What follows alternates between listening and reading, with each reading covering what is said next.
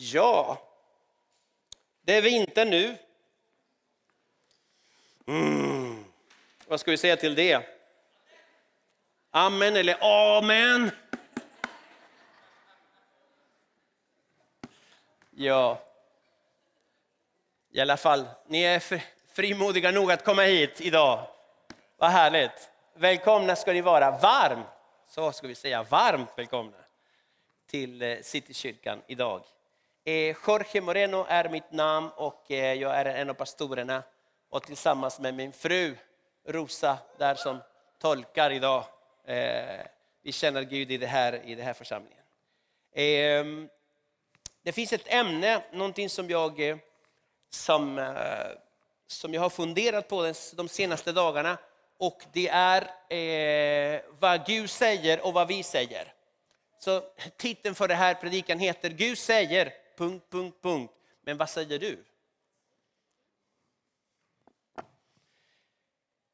Och Det finns en text som jag skulle vilja utgå ifrån och det finns i Matteus evangeliet mm, kapitel 16, vers 13 till 16. Det här, de här texterna kan vi, kan vi väl. Eh, det är ett intressant samtal, ett intressant samtal mellan lärjungarna och sin mästare. Och frågan här handlar mer om en, vilken uppfattning andra människor hade om Jesus. Och det fanns olika uppfattningar, de finns än idag.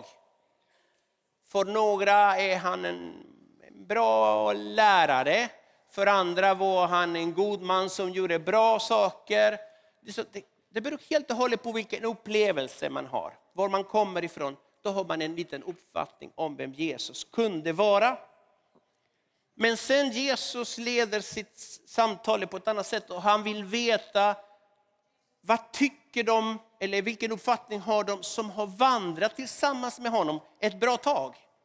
Och ni, vad säger ni? Och Det är liksom det där som jag har fastnat. Vad säger vi? Det står så här. Då Jesus kom till trakten av Caesarea Filippi frågade han sina lärjungar, vem säger folket att Människosonen är? De svarade, somliga säger Johannes döparen, andra Elia och andra Jeremia eller någon av profeterna. Han sa till dem, och ni, vem säger ni att jag är? Simon Petrus svarade, du är Messias, den levande Gudens son. Och då vet vi svaret när Jesus säger, salig lycklig, välsignad är du Petrus för att poletten har trillat ner. Lite grann så. Vad säger Herren? Vår himmelske fader kommer alltid, han kommer alltid ha något att säga. Och det första han vill säga, det första han vill uppenbara är vem Jesus är. Han är väldigt angelägen att vi ska förstå vem Jesus är, att han är Messias, den levande Gudens son, världens frälsare. Det är som att när, när Fadern kommer i kontakt med, med oss på något sätt, han, han tar bort slöjan så att vi kan se, så att vi kan förstå vem Jesus är och vad han har gjort för oss.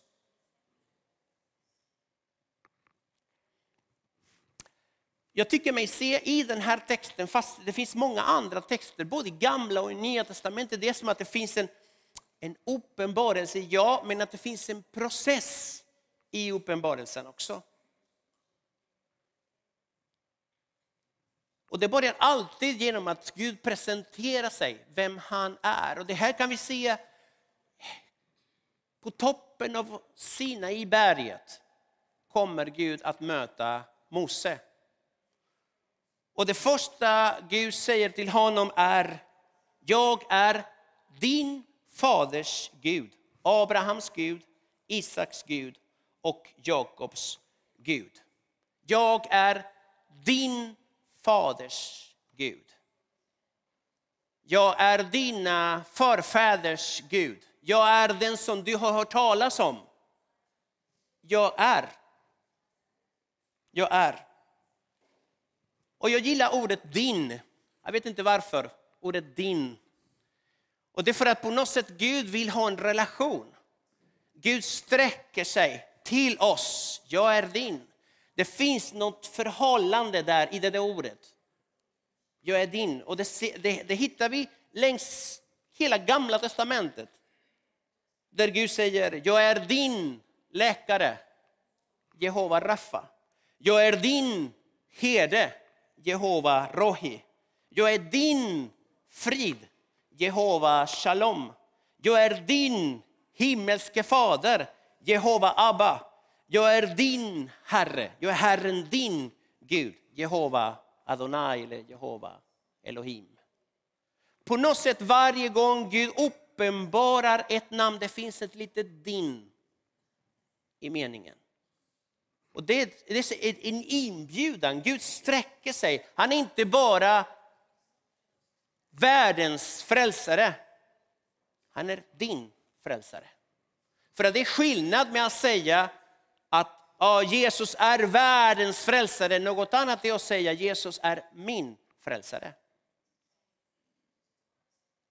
Jag behöver inte vara frälst för att säga att han är världens frälsare, men så fort jag säger han är min frälsare, då kommer in frälsningen i mitt liv.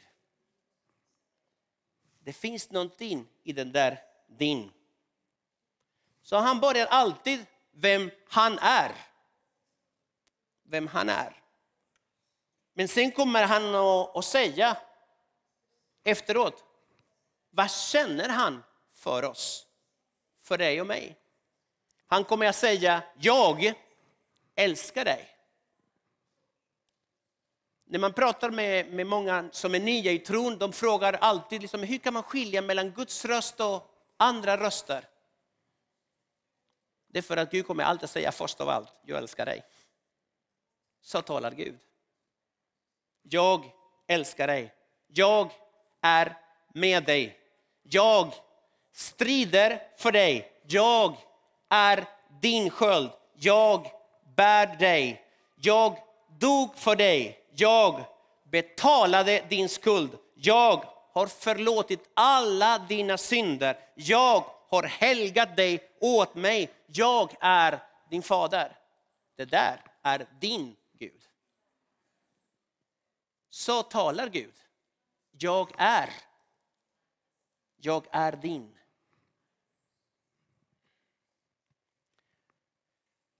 Och sen kommer det en liten effekt av det.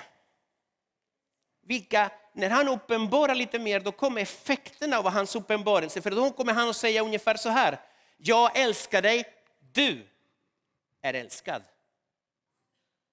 Jag är med dig, du är aldrig mer ensam. Jag strider för dig, du behöver inte strida. Vila nu i mina armar. Jag är din sköld, du är beskyddad. Jag bär dig, du kan släppa taget nu. Jag dog för dig, du är frälst. Jag betalade din skuld, du är fri. Jag har förlåtit alla dina synder, du är förlåten. Jag har helgat dig åt mig, du är utvald och kallad till tjänst. Jag är din fader, du är mitt barn.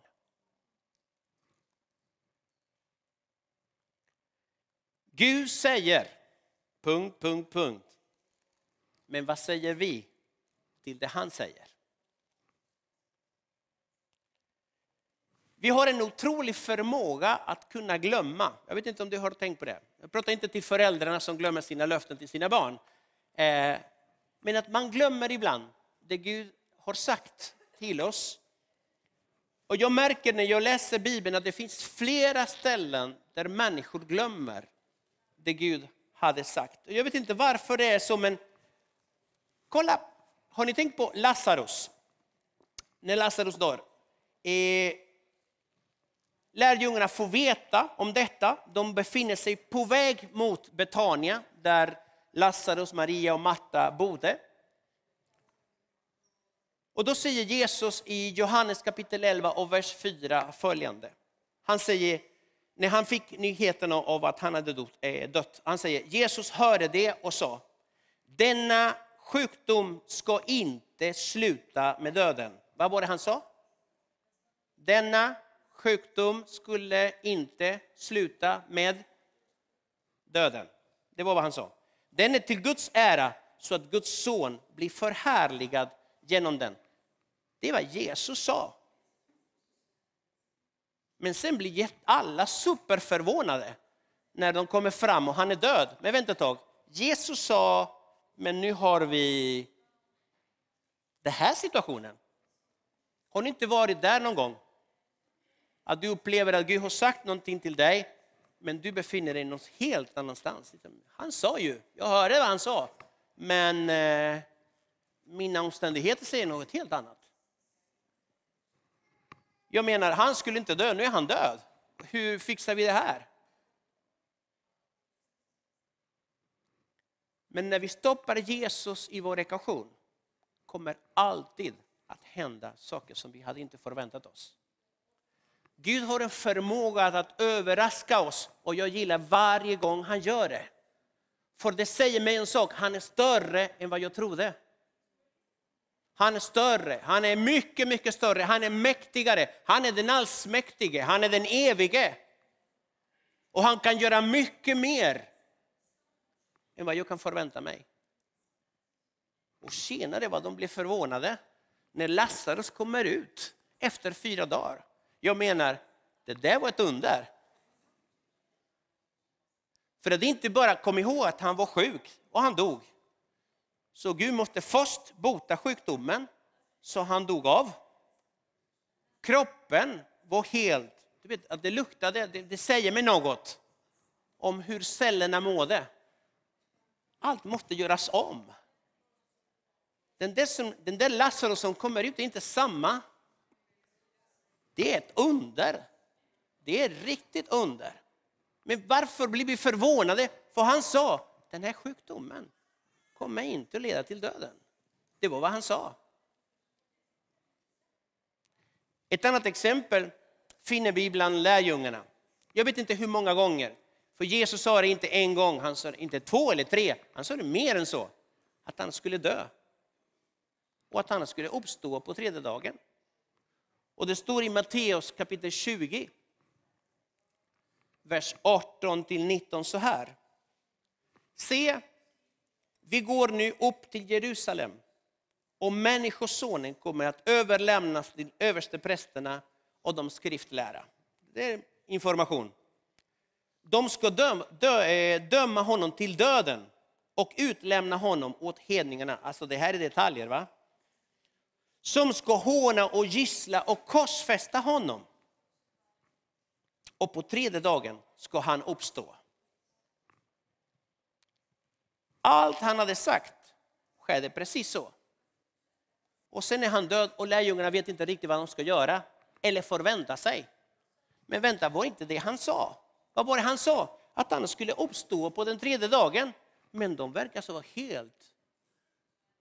Vadå? Men jag märker också en sak. Att det fanns de som inte glömde vad han hade sagt. Och det var inte lärjungarna, utan det var de religiösa i Jerusalem. Alltså fienderna till Jesus, de politiska fienderna till Jesus, de glömde inte. I samma evangelium, Matteus 27, vers 62 63, det står så här. Matteus 27, 62 63. Nästa dag, som var dagen efter tillredelsedagen, samlades översteprästerna och fariséer hos Pilatus och sa, Herre, vi har kommit att tänka på vad den där viloläraren sa medan han ännu levde. Efter tre dagar ska jag uppstå. Och det är därför det är bra om du skickar lite, en liten vaktstyrka och du, och du, ja, du tittar lite grann på, på graven och sådär. Men, men det som är intressant här, att hans lärjungar, de som har vandrat med honom i tre och ett halvt år, de som såg honom gå på vattnet, de som såg honom bota sjuka, de som såg honom väcka upp Lazarus, de glömde att Jesus hade sagt, jag ska uppstå på den tredje dagen. hans lärjungar, de som vandrade med honom. Men fienden, de som inte gillade Jesus, de glömde inte. Tänk om. Och Det här säger mig en sak. Att det är farligt att glömma det Gud har sagt. För att fienden kommer inte att göra det. När Gud lovar dig en sak, det kanske du glömmer det, men Satan glömmer inte det. Han vet att Gud har talat ut ett ord över dig, eller över din familj, eller över din framtid, över, inte vet jag. Men fienden glömmer inte. Vet ni varför? För han vet att när Gud säger någonting, han uppfyller det han säger. Ett amen där hade satt fint. Just där. Han är trofast. Han är trofast hela vägen. Har han sagt någonting, han avslöjar det han tänker göra genom att säga det. Har han sagt någonting, han kommer att uppfylla det. Så varje gång han säger någonting till dig, är det litet eller stort, behåll det i ditt hjärta. För han kommer att uppfylla det. Och hur länge måste jag vänta? Jag vet inte, har du något annat att göra? Det är liksom vänta tills han gör det.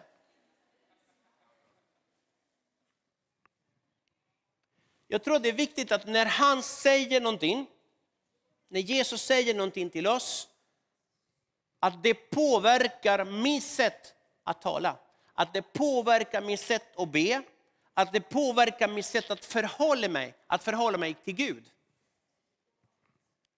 Och för många år sedan gick jag igenom en, en, en, en, en ganska tung eh, en, en livskris. En livskris. Och, och då började jag höra det andra sa. Det var flera som sa så här, Jorge, du förtjänar inte det du går igenom. Du förtjänar inte. Och vet du vad jag gjorde då? Då började jag lyssna på den rösten. Och då började jag, nej, det är sant. Jag förtjänar inte det här. Varför är det så att jag sår äpple och skördar päron? Var är mina äpplen, Gud? Var är min räkmacka? Jag förtjänar inte det här. Har ni gjort det så någon, någon gång? Jag gör inte det. När vi börjar kräva saker av Gud. Ah, det, jag kan säga så här, mina böner luktade inte bra alltså. För att jag bara ställa krav på Gud. Jag har gjort det här och jag har gjort det här och jag, vad, vad, vad händer nu? Ah? Och jag kommer inte ihåg om det var veckor eller månader, men det var en tid tills Gud talade. Så andra människor sa, jag sa, nu kommer Gud och säger. Och när Gud talade till mig, han sa så är väldigt kärleksfull. Jag förtjänar inte det här. Då sa Gud, Jorge, det har aldrig handlat om att förtjäna. Det handlar om nåd.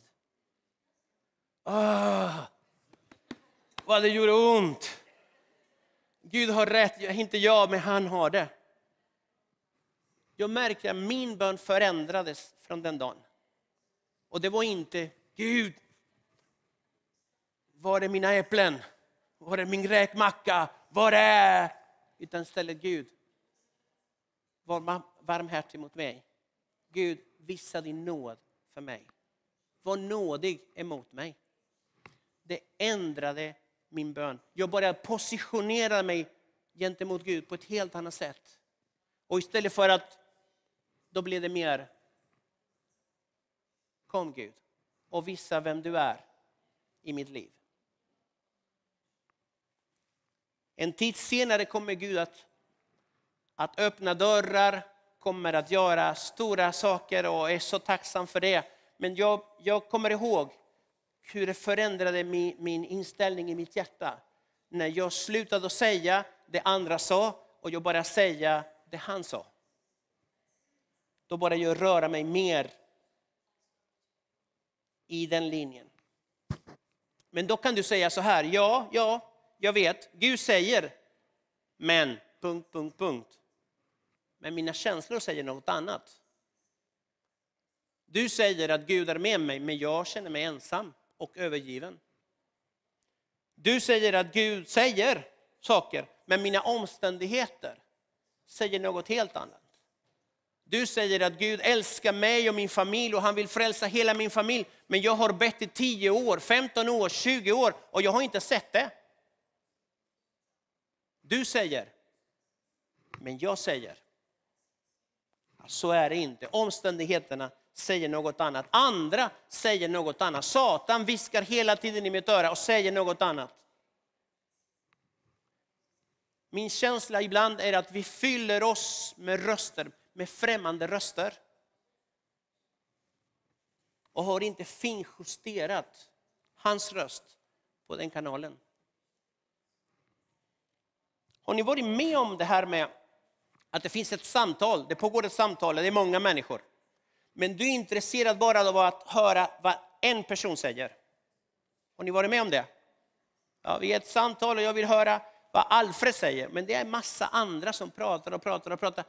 Men helt plötsligt, det är som att öron justerar sig bara till eh, Alfreds ljuva stämma. Äh, det är kärlek. Ja.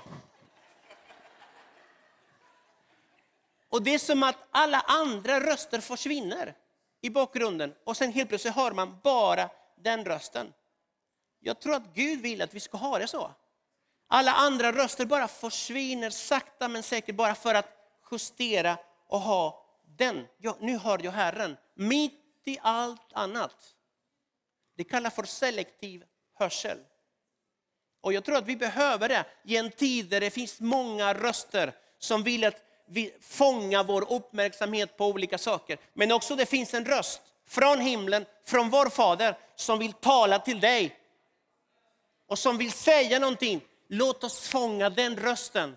Låt oss finjustera kanalerna så jag kan höra att han säger jag älskar dig, jag är med dig, jag lämnar dig aldrig, jag överger dig inte. Mina löften de är trofasta.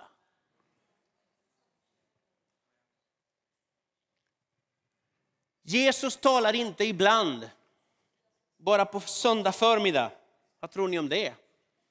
Om du bara hör Guds röst en söndag förmiddag, då har du problem. För han talar ständigt, varje dag. Hans ord är som manna från himlen. Han som är livets bröd, han vill ge oss nybakat bröd varje dag. Varje dag har han ett ord för dig och mig. Så, så vi kan få nybakat bröd eller nybakade bullar eller vad du än gillar. Gud står för det. Och det är ord som kan leda oss genom det vi går igenom. Han är sändaren som hela tiden letar efter en mottagare. Någon som kan lyssna. Jag skulle vilja läsa en bibeltext med er och det är Uppenbarelseboken 3 och 20.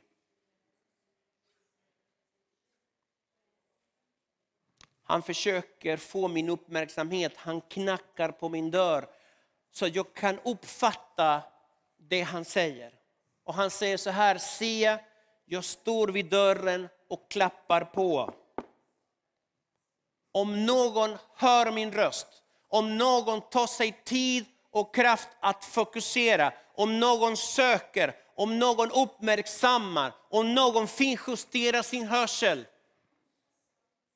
och hör min röst och öppnar dörren ska jag gå in till honom och hålla måltid med honom och han med mig. Gud vill alltid någonting med sitt ord. Alltid. Och det är att nå ditt allra heligaste. Nå det djupaste i ditt hjärta, nå kärnan i dig. Och när vi välkomnar hans ord, när vi välkomnar honom, då står han för middagen.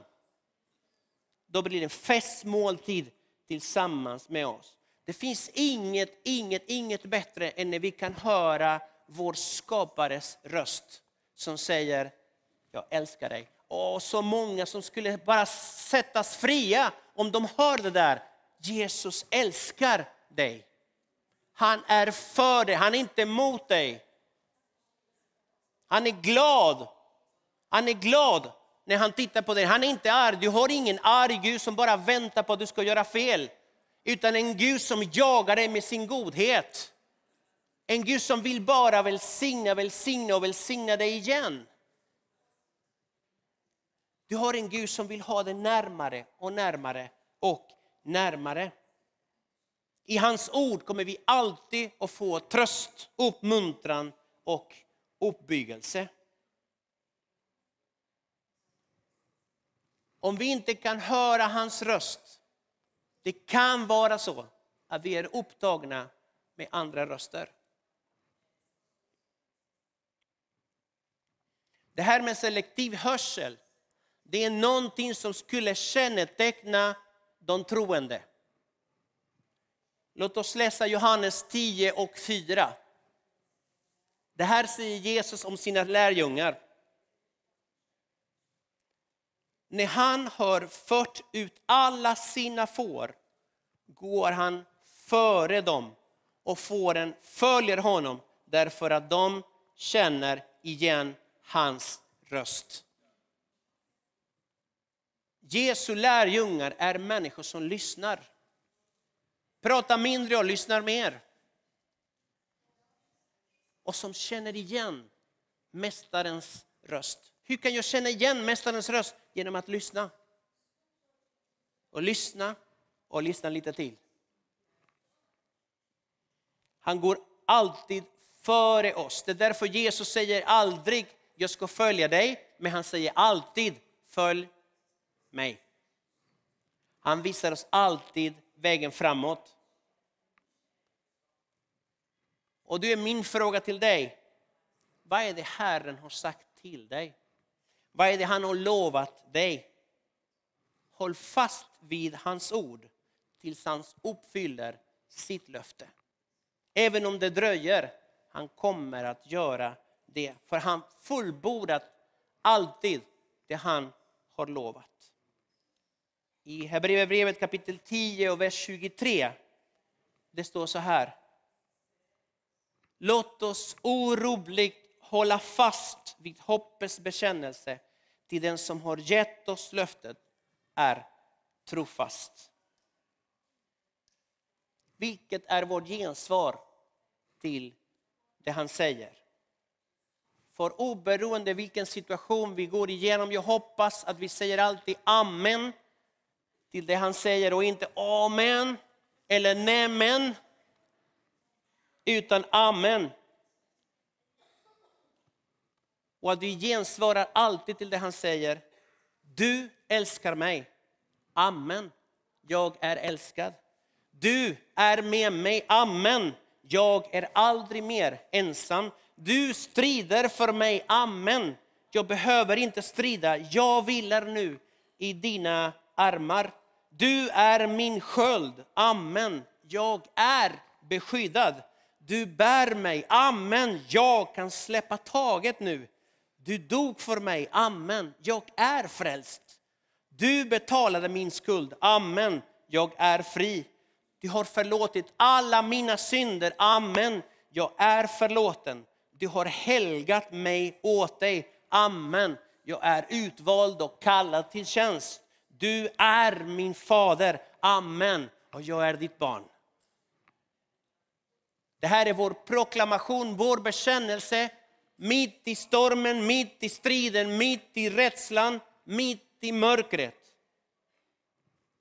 Och när vi gör det, vi lägger fokus mer på vem han är och på vad han har sagt, än på vad allt det andra säger. Jag tror att det finns ingen vackrare bön och ingen vackrare tillbedjan än den som bes i sådana situationer. När stormen kommer, då står man som troende rakryggad och säger du är och jag är i din famn. Vår proklamation är vår tillbedjan till hans namn som är över alla andra namn. Ett namn som varje knä ska böjas och varje tunga ska bekänna att han är herrarnas herre och konungarnas konung. Så låt oss alltid tala i linjen med det han säger och det han talar. Vi kan börja alltid med att säga i alla fall amen till det han säger. Kan vi böja våra huvuden?